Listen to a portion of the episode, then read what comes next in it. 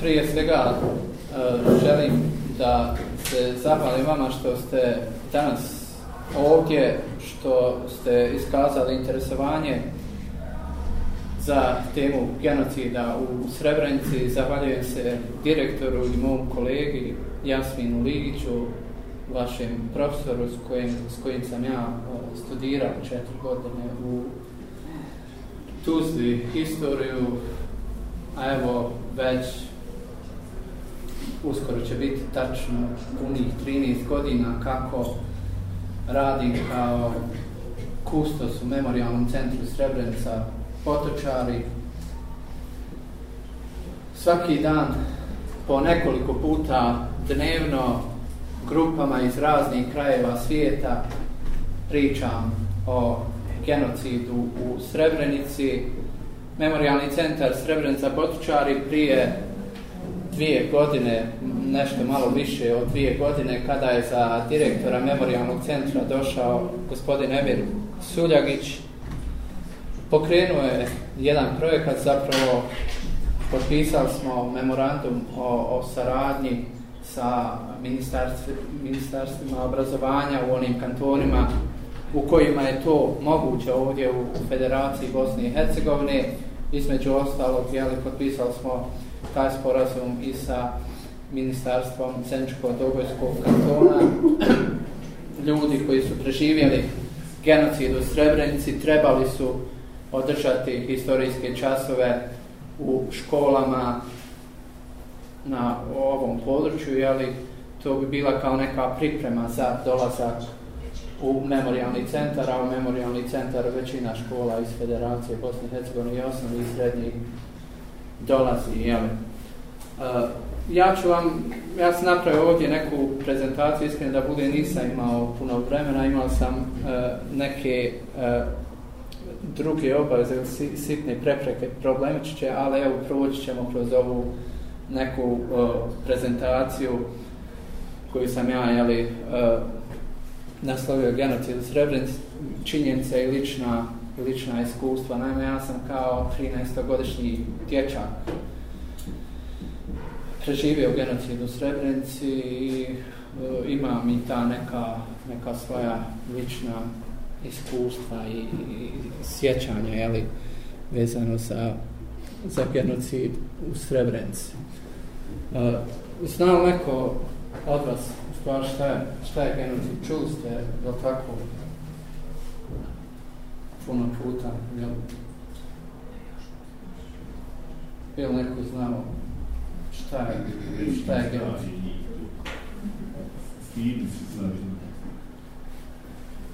Masljeno ubistvo.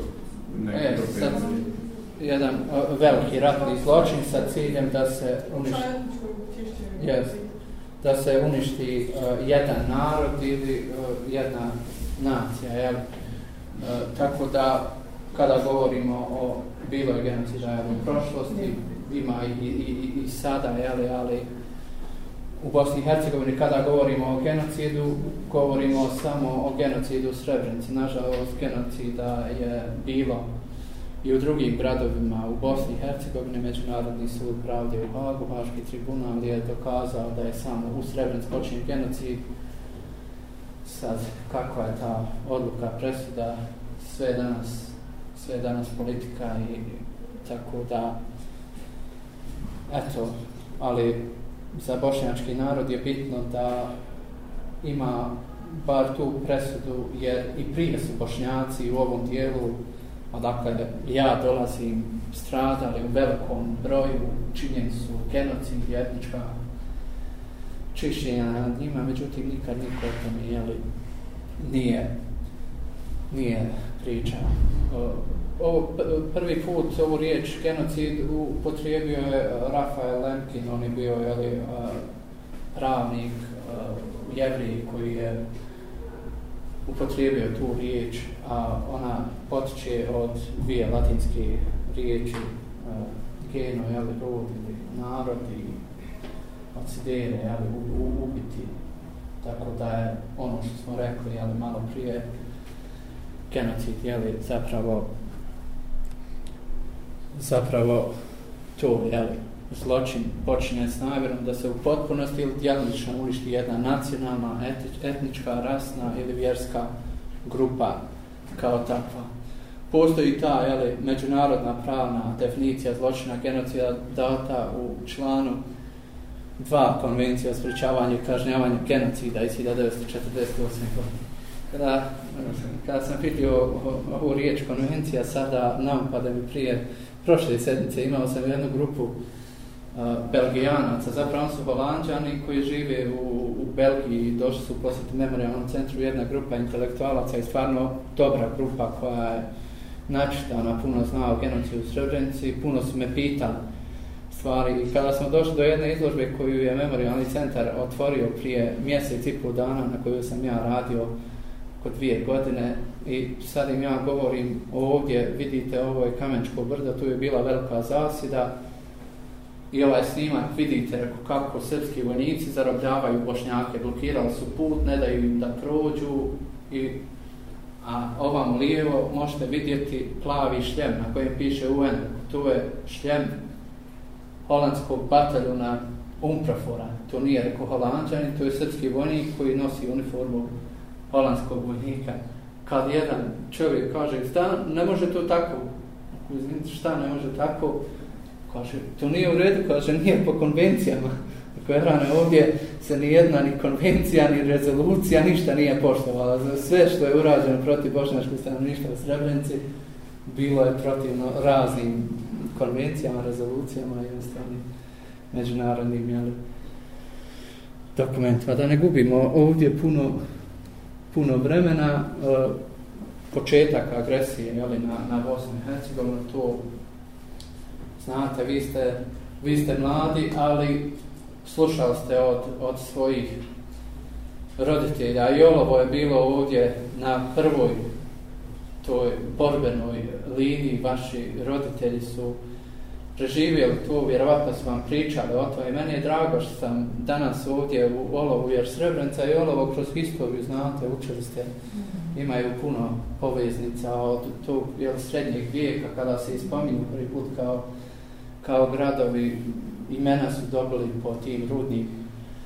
bogatstvom, ali kasnije ću, vam, kasnije ću vam reći još ima puno tih poveznica i kada je, kada je genocid u Srebrenici u pitanju, jel, ima te veze. Kada govorimo o početku agresije, jel, on se uzma obično kao 1. april 1992. godine, odnosno ulazak paravojnih srpskih snaga u Bijednju, kada počinje prvi veliki pokod nad bošnjačkim stanovništvom. Znate, i Srebrenica je tamo, jel, blizu rijeke e, Drine u Podrinju, znači od ozdo, od Bijeljne preko uh, Svornika, Bratunca, te srpske snage su počele okupirati, jeli, ta područja i onda na red dolazi Srebrenica koja je po prvi put od strane tih srpskih vojnih paravojnih formacija zauzeta 18. aprila 1992. godine. I 20, 22 dana Srebrenica je bila pod kontrolom tih srpskih snaga što su oni stigli jeli, naroda pobedi su popljačkali grad i onda bošnjaci koji nisu bili pripremljeni za rat, nisu znali da će do toga doći, nekako uspjevaju se izorganizovati jer su bošnjaci iz grada, iz Srebrenice pobjegli u obližnja sela. I onda uspijevaju se jeli, u, izorganizovati u teritorijalnoj odbrani Republike Bosne i Hercegovine i onda uspijevaju povratiti Srebrenicu pod uh, našu kontrolu, tako da od tog momenta Srebrenica kao grad postaje jedina slobodna teritorija u tom dijelu Bosne i Hercegovine, teritorija pod kontrolom armije Bosne i Hercegovine. Tu je bio razlog da uslijed tog etničkog čišćenja i velikih napada na to područje, veliki broj izbjeglica iz okolnih gradova, i sela, bježeći pred napadima, pred napadima takozvane vojske Republike Srpske dođe u Srebrenicu, tako da e, danas slobodno možemo reći da je Srebrenica bila jedan veliki izbjeglički kamp u koji je došlo oko 40.000 izbjeglica, tako da je do marta, odnosno aprila 1993. godine u Srebrenici na jednom veoma malom prostoru živjelo oko 60.000 stanovnika. E, sama činjenica da je u tom gradskom području prije rata živjelo negdje do 5000 stanovnika, ali dovoljno govori koliko su. Uglavnom, intenzivirali se jeli, ti uh, srpski napadi oko Srebrenice i Srebrenica je bila u jednom obruču. Stanovništvo je živjelo bez hrane, vode, struje, lijekova, medicinske opreme, bez dovoljno broja ljekarskog kadra. I činjenica je li da je u Srebrenici u toj ratnoj bolnici na ovako velik broj stanovnika radilo samo uh, pet ljekara, od toga jedan hirurg, zapravo čovjek još nije bio ni završio fakultet, ostao, ostao mu još jedan ili dva ispita. On je morao raditi sve operacije u Srebreničkoj ratnoj bolnici bez anestezije bilo kakvih drugih medicinskih sredstava, sve, sve naživo, jeli, sama ta činjenica dovoljno govori za sebe. Ti napadi oko Srebrenice bili su konstantni i onda kada su predstavnici Bošnjaka iz Srebrenice vidjeli da se grad više ne može braniti, počeli su stalno slati apele za pomoć ujedinjenim narodima i kao rezultat tih apela ujedinjeni narodi u Srebrenicu šalju francuskog generala Filipa Moriona koji je bio komadant Umprofora za Bosnu i Hercegovinu da e, lično dođe i uvjeri se u stanje u gradu. Kada je Filip Morion došao u Srebrenicu, kada je vidio da je u Srebrenici izuzetno teško i složeno stanje, da stanovništvo živi na ulicama jer više nije bilo smještanih kapaciteta, znači svaki objekat bio uslovan ili ne bio iskorišten za stanovanje. Možete vidjeti jeli, e, ovdje na ovoj fotografiji jedan od primjera. Sve što su mogli ljudi su iskoristili za smještaj, neki su živjeli u hodnicima, škole, dom kulture i ostale ustanove, sve je bilo popunjeno od izbjeglica, neki ljudi koji su došli kasnije nisu imali gdje smjesti, pa su onda jednostavno živjeli na ulicama i Filip Morion kada dolazi u Srebrenicu, kada vidi to stanje, on obećava stanovništvu Podrinja u Srebrenici da će Srebrenica postati prva zaštićena zona vjerskih naroda u Bosni i Hercegovini. Neko je zove sigurna, neko zaštićena malo i zbog ovog engleskog prijevoda uh, ljudi sa strane iz međunarodne zajednice pokušavaju da kažu da eto Srebrenica i nije baš e, bila zaštićena zona da o, jednostavno oni jeli, nisu imali potrebu da, da nas štiti. E, 16. aprila 1993. godine Vijeće sigurnosti UN-a donosi tu rezoluciju 819 kojom Srebrenicu proglašava zaštićenom zonom. Između ostalog, je li u toj rezoluciji pisalo je da Srebrenicu niko ne smije oružano napadati niti izlagati bilo kakvom drugom neprijateljskom činu, a pored toga što je Srebrenica bila zaštićena e, zona Ujedinjenih naroda, postaje i demilitarizovana ili razoružana tako što su pripadnici armije Bosne i Hercegovine u Srebrenici ono malo naoružanja, naoružanja što su imali, jeli, morali predati snagama Ujedinjenih naroda. U Srebrenici prvo uh, boravi uh, kanadski, a kasnije će i zamijeniti holandski bataljon Umprafora. Mnogo obećanja od strane UN-a dobilo je to stanovništvo podrinja u Srebrenici, međutim samo za jedno možemo reći da je donekle ispunjeno, a to je da je tokom 93. godine u martu, odnosno aprilu 93. iz Srebrenice deportovano negdje između 10 do 15 hiljada uglavnom žena sa malom djecom i nekoliko stotina ranjenika iz Srebreničke ratne bolnice kako bi se olakšalo stanje kako u gradu, tako i u Srebreničkoj ratnoj bolnici, koju sam rekao jeli, da su uslovi bili kako teški. Tako da u Srebrenici u to vrijeme u veoma, veoma teškim uslovima ostaje živjeti onovo oko 45.000 stanovnika i to stanovništvo i dalje živi veoma teško, jer Srebrenica je bila jedan veliki logor bez žice i svi su ga htjeli napustiti, ali nisu mogli i djeca i odrasli živjeli su kao u kavezu u kojem se stanje sve više usložnjavalo. E, djeca su uglavnom jeli, bila uvijek u, u prisustvu e, holandskih ili kanadskih, kanadskih vojnika. Ovo je jedna, jedna holandžanka koja je... Jest. Pa kasnije ćemo malo, ako budemo imali vremena, a, kasnije ćemo to jeli, i objasniti. Cijelo to vrijeme dok je Srebrenica bila zaštićena zona UN-a, pripadnici takozvane Vojske Republike Srpske na razni načine su vršili narušavanje tog ugovora o zaštićenoj zoni, posebno u pograničnim dijeloma enklave, tako što su stalno granatirali ta područja, povremeno upadali na područje zaštićene zone, ubijali ljude, holandski bataljon Umprofora koji je pored ove baze u Potočarima imao jednu jedinicu u Srebrenici, a svuda okolo enklave na 12 mjesta osmatrašnice, osmatračke pozicije i na svakoj od tih osmatrašnica bilo između 6 do 8 holandskih vojnika. Holandski vojnici bili svjedosti svih tih dešavanja, nikada ništa nisu poduzmali, onda ohrabreni tom šutnjom, jeli, vojno i političko rukovodstvo RS-a počinje pripremati konačan plan o zauzmanju Srebrenice.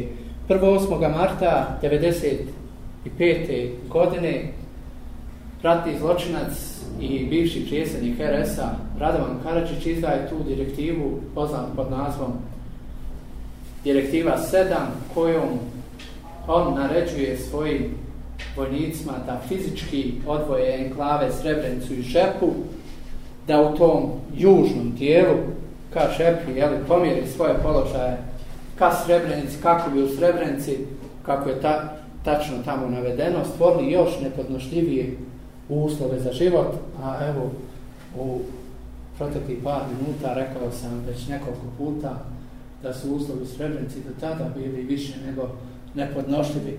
Tako da od tog uh, političkog plana direktive 7 Ratko Mladić pravi uh, direktivu 7.1 kojom razrađuje taj vojni plan za zauzmanje Srebrenice i onda 6. jula 1995. godine kreće najveća ofanziva na Srebrenicu pod nazvom Krivaja 95. Vi znate, Krivaja je tu vaša, kod vas. Znao neko možda kako se zvao, kako je trebao da se zove zapravo napad na, na žepu. Koji još imaju rijeke ovdje? Stopčanca, a? Stopčanca, 95. No, to je baš ovdje rekao Stopčanca. Ja. ja. Stopčanca, 95, to je trebao biti napad, tako se kodno zvao napad jeli, na žepu koji će uslijediti odmah nakon Srebrenice, a ovaj krivaja 95, to je kodni naziv te operacije na Srebrenicu, rekao, počela je 6. jula 95. godine, iz dana u dan i srpski vojnici iz tog južnog dijela, odakle, odakle im je Radovan Karadžić naredio, kreću kad Srebrenici zauzmaju dio po dio i kulminacija tih napada dešava se 11. jula 95. godine kada Srebrenica kao takozvana zaštićena zona UN-a pada pod kontrolu takozvane vojske Republike Srpske. E tad u, u, u velikom mada ovdje ne vidi, ne vidi se dobro, ali ovo je iz predmeta a, karta, je iz predmeta Radislava Krstića koji je bio komadant Drinskog korpusa i ovdje ovdje piše Srebrenica je bila srpska i opet je, opet je srpska uh, 11. E, juli 95. a dole Žepa je srpska 27. 27. juli 95. godine kada su zauzeli i to područje.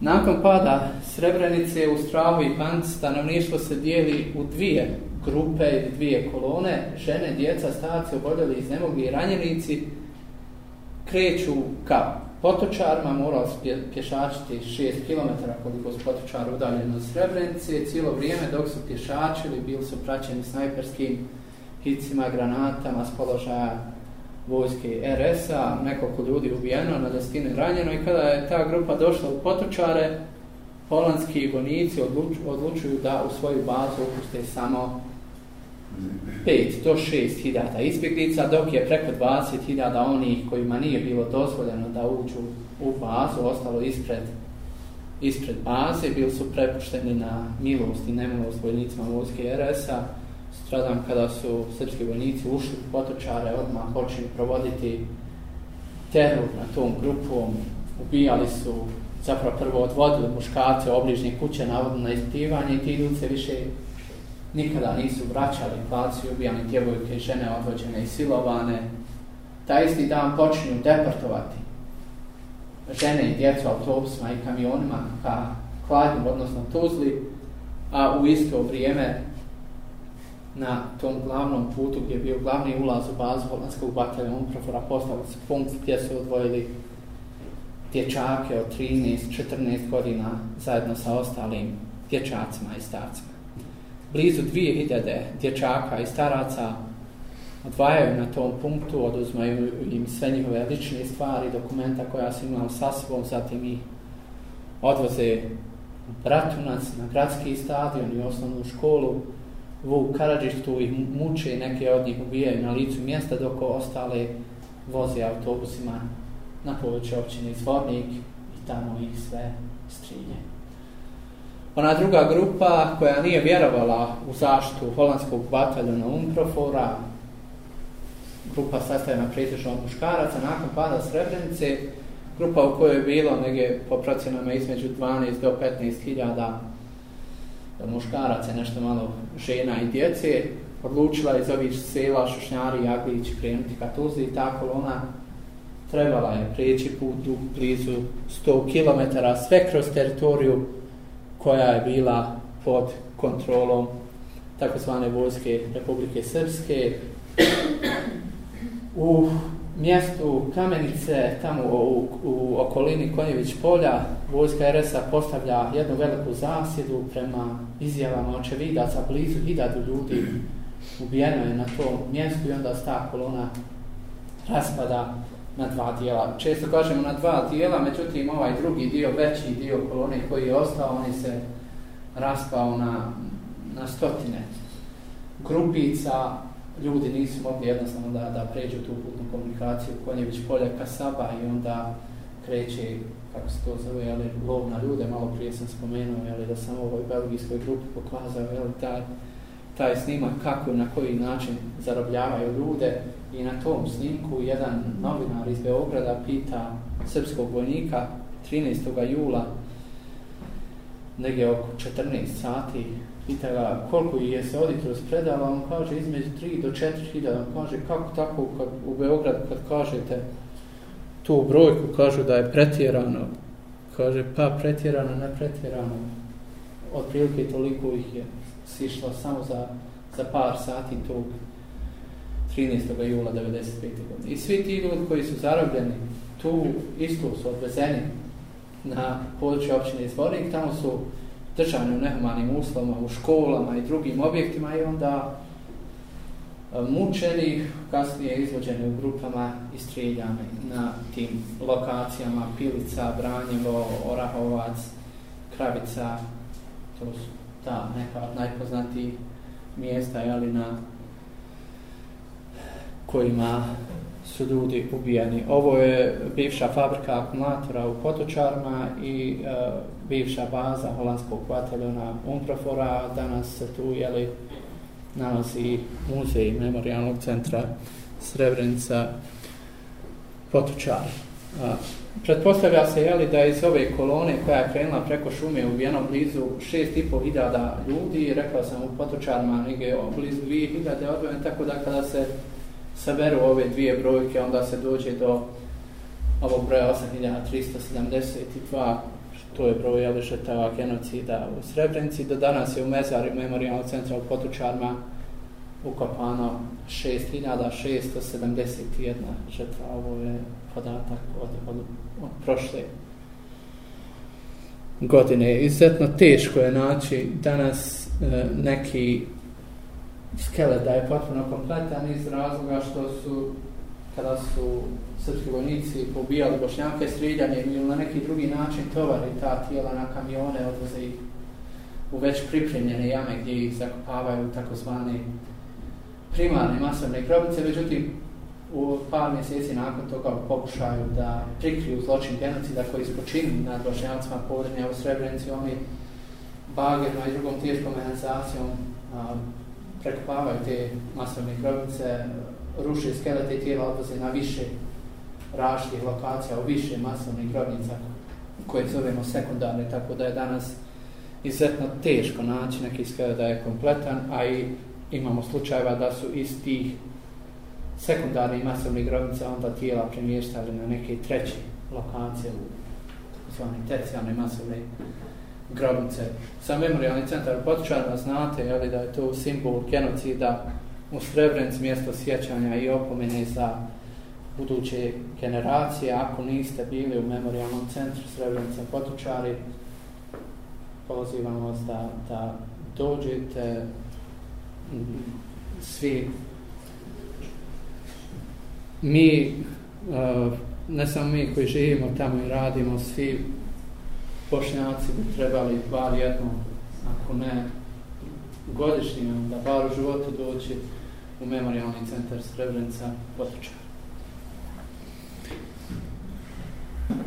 Ovdje također možete vidjeti jeli, ove posljedice uh, genocida, međunarodni krivični sud za, za bivšu Jugoslaviju, Haški tribunal osudio 47 ljudi za komandnu individualnu odgovornost. Zapravo ovdje se računa ali sud Bosni, Bosni i Hercegovine, to je mali broj za ovako velik a, ratni zločin, zločin genocida, ali šta ćemo, znate, evo, svjedoci smo posebno ovih dana, iako je u zadnjih par mjeseci, iako je nametnut ovaj zakon o negiranju genocida u Srebrenici, zapravo dopuna krivičnog zakona Bosne i Hercegovine, koji se odnosi na negiranje genocida u Srebrenici, ljudi koji su počinili genocid, evo danas da negiraju i na sve načine pokušavaju da kažu da se u Srebrenici jeli, nije desilo ništa. Vidite, ovo je jedna od, od pet uh, džamija koje su bile na području grada, koje su, jel, sve su sve su uništene, kao i svi objekti islamske zajednice u Srebrenici. Ovo je negdje odmah par mjeseci poslije rata fotografija nastala jeli, u, u centru Srebrenice. Možete vidjeti kako je taj grad izgleda, kakva je pustoš, jel, nastao.